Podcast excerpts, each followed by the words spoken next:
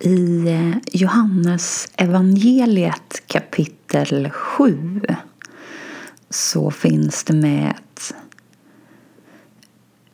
uttalande som Jesus gör till sina lärjungar. Och jag läser nu på engelska. Jesus said I am with you only for a short time and then I'm going to the one who sent me. You will look for me but you will not find me and where I am you cannot come. Så Jesus säger alltså Jag är här med er bara en kort stund eller ett litet tag. Och sen ska jag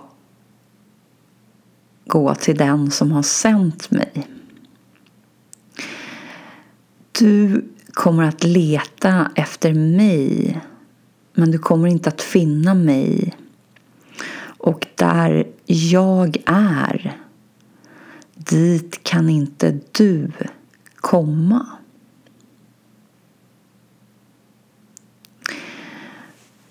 Och den här liknelsen får mig att tänka på en historia som jag bland annat har hört Morsi berätta där en man kommer och knackar på dörren till Gud. Och när Gud svarar på knackningen och undrar vem där så svarar mannen Det är jag, Gud. Snälla låt mig få komma in. Och då svarar Gud Nej, här inne finns bara plats för en. Varpå mannen lite besviket går därifrån. Och så efter en liten stund kommer mannen tillbaka igen och knackar på dörren. Och säger snälla låt mig få komma in. Och Gud svarar Vem där? Det är du, min Herre. It is you, my Lord. Och då förstår vi att han får komma in eftersom det finns plats där inne för en. Och Gud är ju där. Och det här uttalandet pekar in mot samma sanning. Först säger Jesus, jag är här med er eller med dig bara en kort tid. Och, och det är ju så att Jesus är väldigt medveten om sitt öde och vad det handlar om. Och att han inte kommer att förbli kvar i världen hos lärjungarna särskilt länge med formen. För sen ska jag gå till den som har sänt mig. Så jag ska på något sätt tillbaka till källan ur vilken jag en gång har sprungit som form i världen. Du kommer att leta efter mig. Vi söker Jesus form där. Men du kommer inte att hitta mig. Och där jag är kan inte du komma. Eller komma in egentligen. You cannot come. Och det är just det här med jag-känslan och jag-identifieringen. Att varandet, om ni minns, eh, vi pratade om Eckart Tolle i förra avsnittet och lite grann vad han upplevde och väldigt snabbt egentligen, också inom loppet av några sekunder, när han på något sätt vaknade och genomgick det här skiftet. Att han gick från att vara ett, ett splittrat personligt jag, så till och med två, något slags subjekt och objekt på något sätt som, som hela tiden lever ut något slags drama till att bevittna båda parter och istället för att uppleva sig just som eh, någonting tangible, alltså någonting som är spårbart så byttes det ut mot en känsla av fridfullhet och stillhet och där varandet istället är i förgrunden. Varandet är ju verkligen ingen enhet. Så där jag är, där I am, där varandet är, där kan inte du, dit kan inte du nå. Och det handlar verkligen om att när vi riktar vår uppmärksamhet hem och förblir hemma med vår uppmärksamhet så finns inte längre den här enheten, jag, där. Därför att den uppstår när vi går in och identifierar oss. Då kan den till en början ändå lite grann anas på det sättet att när vi riktar vår uppmärksamhet hem och förblir hemma så finns där någon slags känsla av ett jag även om jag inte har någon direkt form eller är identifierat med något.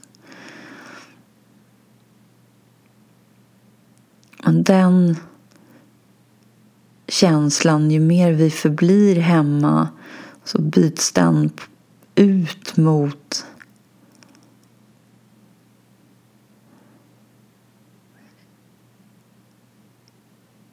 en ren känsla av varande, av existens som inte längre bär någon som helst förknippelse med begreppet jag.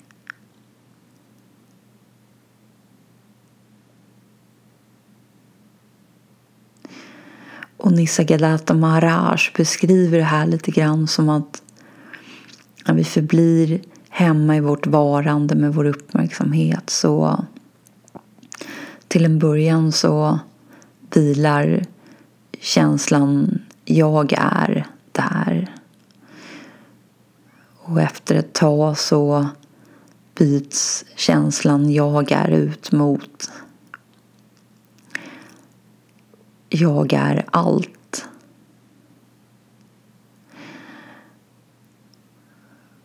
Och ytterligare lite längre fram så försvinner också den känslan. Och lite grann också känslan av existens försvinner också eller fejdar ut.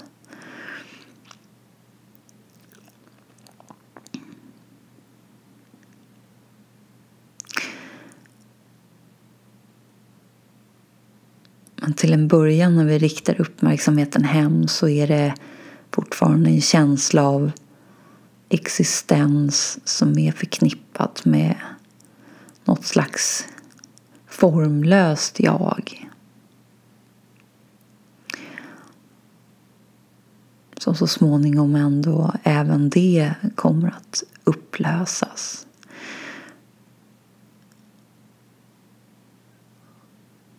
Det har ju att göra med också en stark vanekoppling som funnits där och som på något sätt behöver lite grann tvättas bort.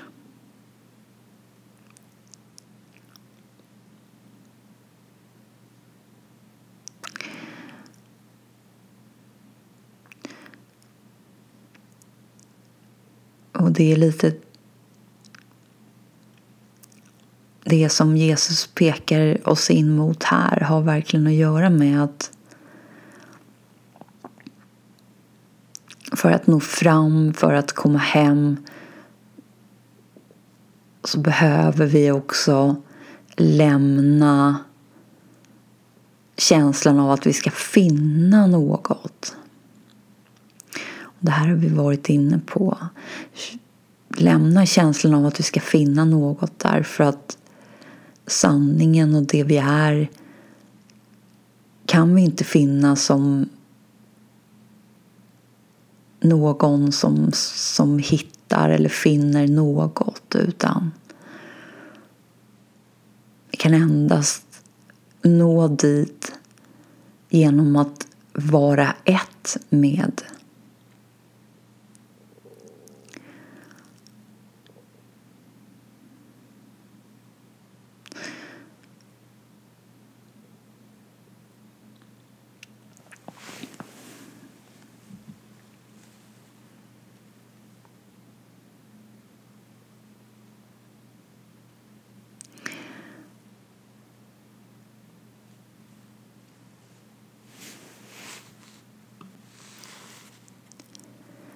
i eh, Thomas evangeliet paragraf 28 så säger Jesus så här. Och jag tar det på engelska. Jesus said I took my stand in the midst of the world and in flesh I appeared to them. I found them all drunk and I did not find any of them thirsty. My soul ached for the children of humanity because they are blind in their hearts and do not see. For they came into the world empty, and they also seek to depart from the world empty. But meanwhile they are drunk.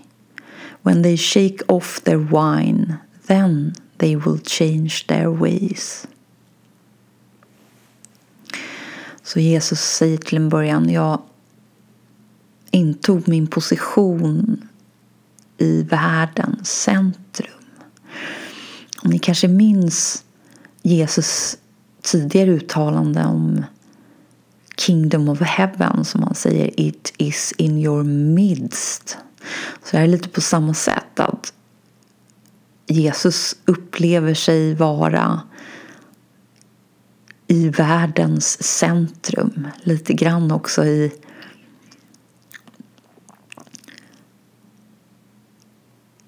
när här stormens öga. Alltså han är någonstans där livet också lite grann kommer ur eller uppenbaras och, och också någonstans dit det återvänder. Så någon slags centrum, någon slags känsla av att vara i kopplingen till världen på något sätt.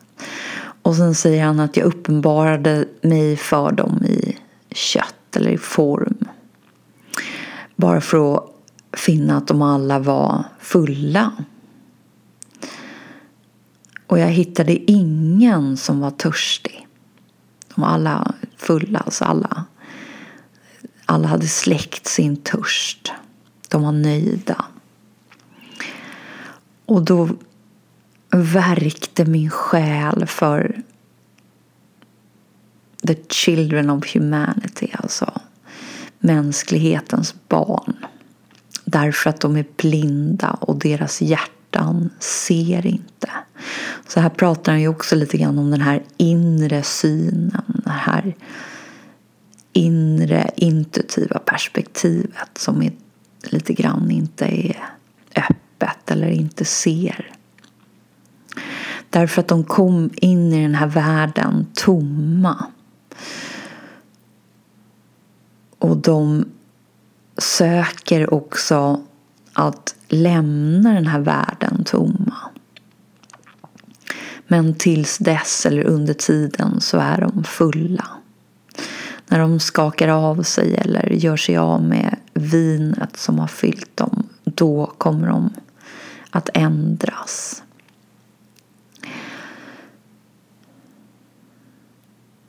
Och den här liknelsen som Jesus gör här är också en kraftfull pekare för oss han säger att vi kom in i den här världen tomma och någonstans så söker vi efter att också lämna världen tomma.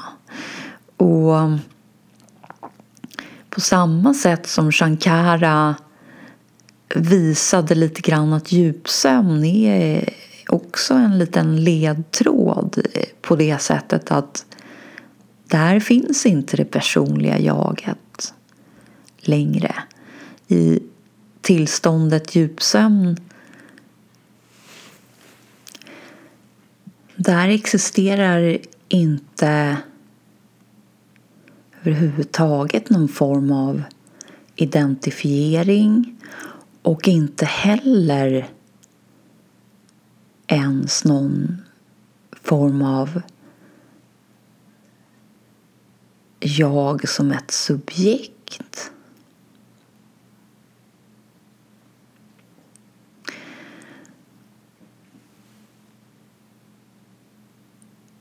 Och um,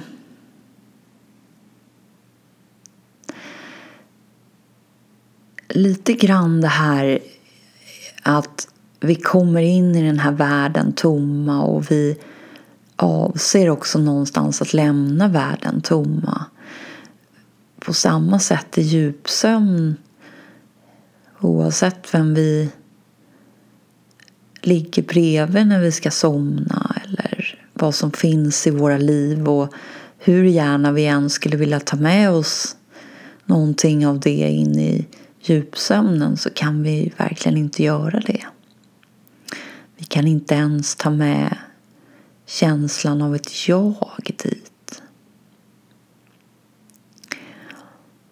Och den tomheten, ja det är tomheten som Jesus lite grann pekar mot här i den här liknelsen och det här uttalandet.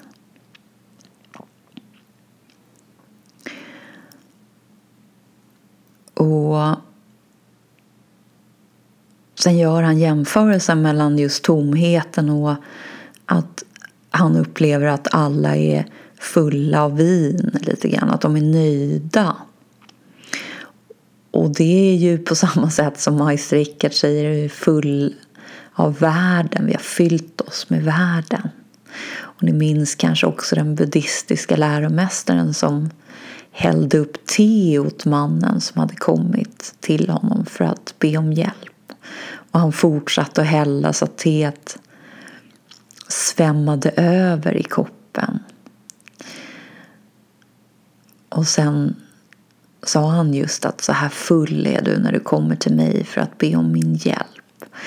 Och det är lite det som Jesus upplever här också, att det är inte riktigt någon som, som är törstar efter hans pekare därför att vi är uppfyllda av världen och vi upplever att världen är det som kan och kommer förhoppningsvis att uppfylla oss också framledes.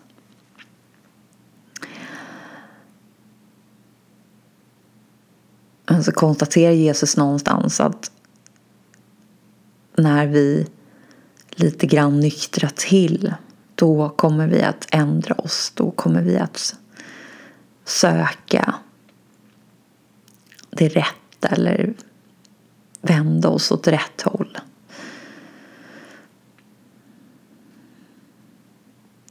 Och, också det här My soul ached for the children of humanity. Och ni minns även profeten när han såg människorna dyrka sin frihet i världen så värkte hans hjärta eller hur han uttryckte sig. Men det är liksom samma här också att Jesus vet någonstans att det som alla söker efter Eh, det som alla strävar efter i världen inte finns i världen.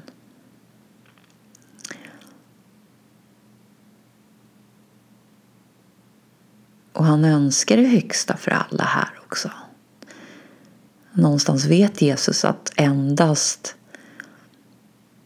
hemma. Endast att på något sätt vända sig lite grann bort från världen med sin uppmärksamhet och vända och rikta uppmärksamheten hem. Det är först där vi verkligen kan landa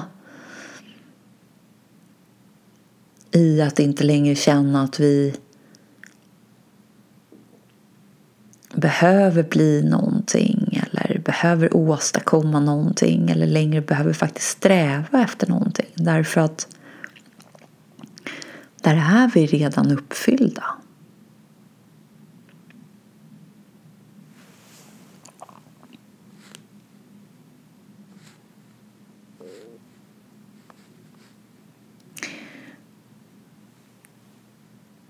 Och um, det finns också en liknelse som jag tror att många av er säkerligen har eh, hört. Och jag tänkte läsa den i eh, Thomas evangeliet och där har den paragraf 64. Men den finns även i Matteus evangeliet och i Lukas evangeliet. Eh, och det här blir på svenska nu. Jesus sade. En man skulle ha gäster och när han hade förberett måltiden så skickade han sin tjänare för att kalla på gästerna. Han kom till den första och han sa till honom Min herre kallar på dig. Denna sade Jag ska erhålla pengar från några köpmän. De kommer till mig ikväll. Jag går dit och ger dem anvisningar. Jag ber att få bli ursäktad ifrån måltiden. Då gick han till en annan. Han sa till honom, min herre har kallat på dig. Denne sade till honom, jag har köpt ett hus och man behöver mig för en dag. Jag kommer inte att ha tid. Han kom då till en annan och han sade till honom, min herre kallar på dig. Denna sade till honom, min vän ska gifta sig och jag ska hålla i middagen. Jag kommer inte kunna närvara. Jag ber att få bli ursäktad ifrån måltiden. Han gick till en annan. Han sa till honom, min herre kallar på dig. Denne sade till honom, jag har köpt en by. Jag är på väg för att samla in uppbörd. Jag kommer inte att kunna närvara. Jag ber att få bli ursäktad. Tjänaren kommer tillbaka till sin herre och säger De som du kallade till måltiden har ursäktat sig. Då sa Herren till sin tjänare Gå ut på vägarna, för hit dem du hittar så att de må äta. Köpmän och handelsmän ska inte komma in i min faders boningar. Och just köpmän och handelsmän i det här fallet är ju lite grann symboler för mänskligt beteende som någonstans är uppfyllt av världen, det vill säga de som faktiskt är fyllda med vin. De är identifierade i världen och de verkar i världen och det är också genom världen som de hoppas och tror och strävar efter någon slags uppfyllelse. Så det finns starka kopplingar till världen. Och just det som Jesus lite grann använder i liknelsen, det här med din herre kalla på dig. Det är alltså lite grann du själv egentligen som kallar dig hem. Men någonting just nu har inte tid att lyssna därför att någonting just nu tror att det finns någonting annat som är viktigare, någonting annat som indirekt är högre. Därför att det till synes just nu verkar vara det som lite grann ligger i vägen för vår lycka. Om vi bara lyckas åstadkomma det här eller om vi bara lyckas få till det här, då lovar tankarna, då lovar de att då kommer det bli bra, ska vi se. Och till slut så skickar Herren ut sin tjänare för att hitta vem som helst i princip som är villig att lyssna.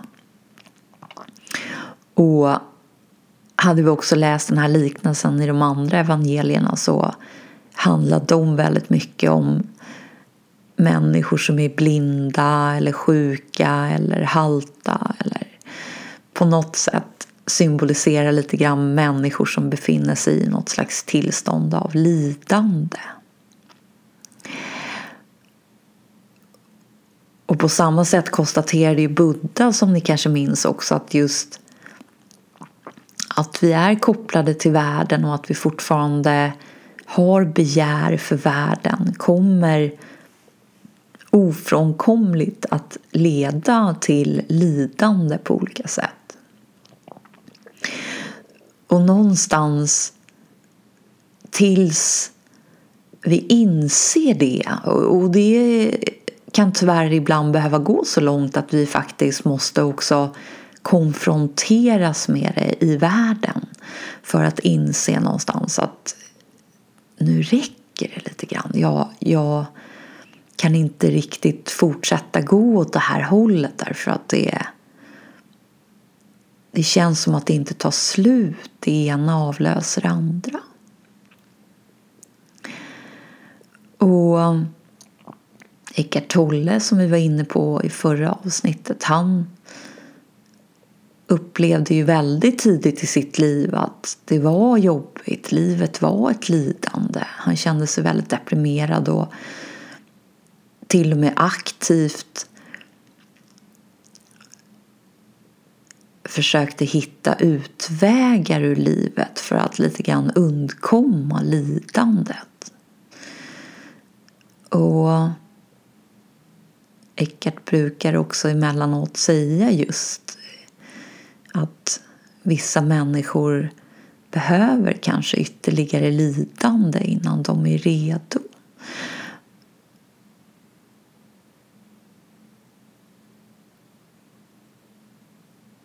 Och det är lite det här jag upplever också att vi på många sätt långt innan lidandet egentligen blir för påtagligt att livet lite grann kallar på oss, alltså kallar hem oss. Men det är inte så många som lyssnar då utan det är på något sätt kan tyckas som om annat är viktigare just nu. Och, och så länge vi någonstans också lever i tron att det är världen som ska uppfylla oss och som ska ge oss lycka och inre frid och vad det nu kan vara som vi, om vi verkligen stannar upp lite och reflekterar vad är det egentligen vi söker för någonting? Vad är, vad är det vår, vår strävan egentligen ska leda till? Vad är det för någonting inre som vi vill ska uppfylla oss som någon slags svar till det yttre som kanske består av karriär eller att vara älskad och aktad i andras ögon eller uppfattas som snäll och hjälpsam eller helt enkelt vara behövd av många eller vad det nu kan vara. Vad, när vi upplever att vi är där så är det ju egentligen någonting inom oss som vi blir uppfyllda av. Det yttre i sig självt är ju inte tillräckligt utan det är ju också vårt inre tillstånd egentligen som är det som verkligen får oss att må bra. vi tror att det är att vi får resa eller att vi får frihet så tillvida att vi upplever att vi nästan kan göra det vi vill när vi vill det. Men det är ju hela tiden någonting inom oss som gör att det känns bra. Och vad är det där om vi ska sätta ord på det? Vad är det inom oss som vi upplever i vissa situationer men inte i andra? Och är det kanske egentligen någonting som alltid finns där och som egentligen inte behöver någon yttre spegling?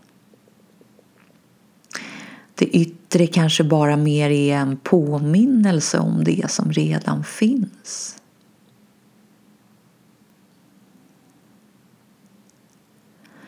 Ni minns ju Ramana som kort sammanfattade self som happiness and bliss.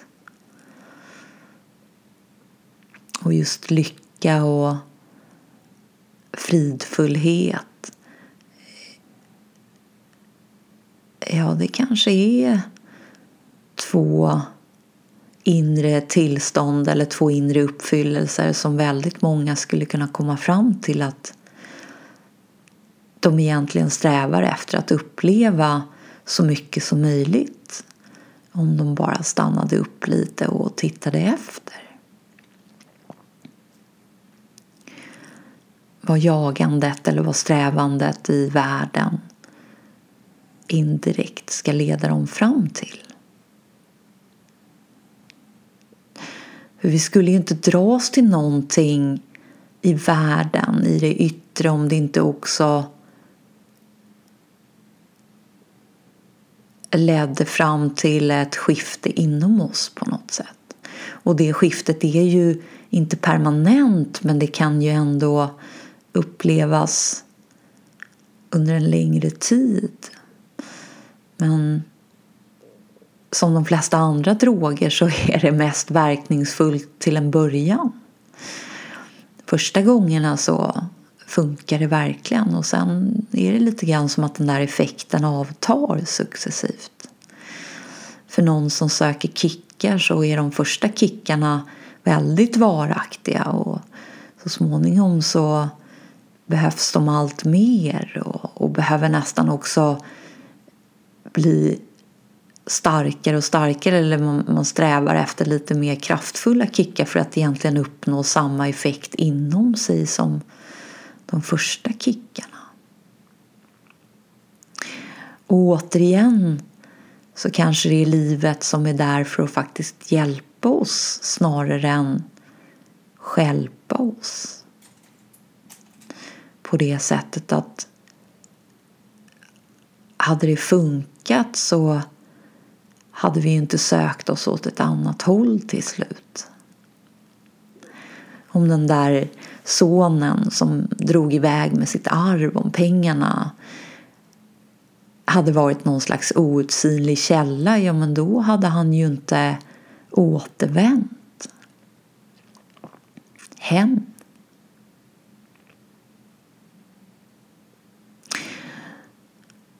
Så på något sätt är det lite så att det funkar ett tag i världen.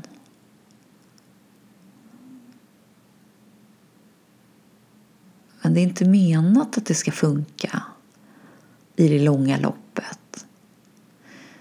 Därför att det vi söker där ute hela tiden finns inom oss.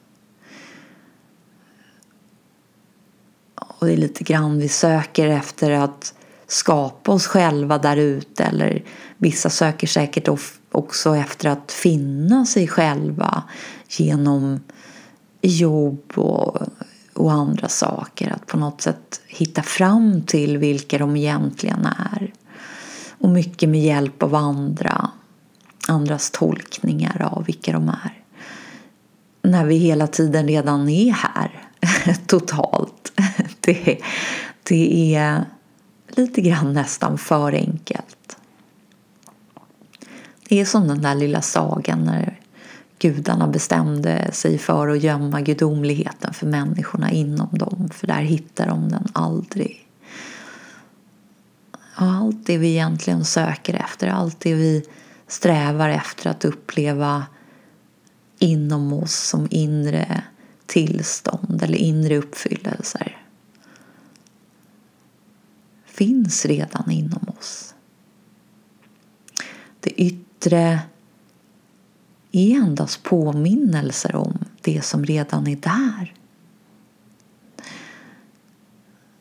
Så varför inte ta den här genvägen och bara rikta uppmärksamheten hemåt, inåt, tillbaka till vårt eget varande.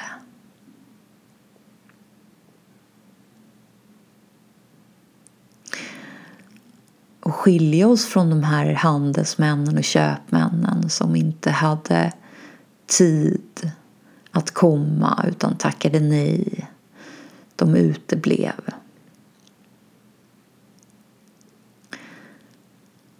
Vad det än är som vi säger till oss själva eller som tankarna säger eller talar om för oss är viktigare just nu än att komma hem till oss själva och och landa i oss själva. Är det verkligen viktigare?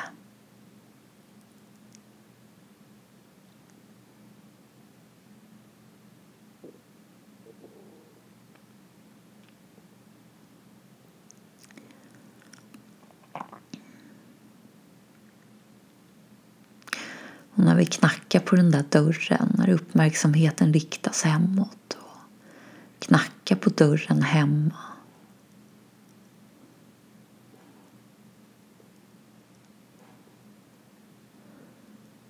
Är det en känsla av ett jag som kommer hem till ett du? Eller ett other? Eller är det snarare en känsla av att återvända hem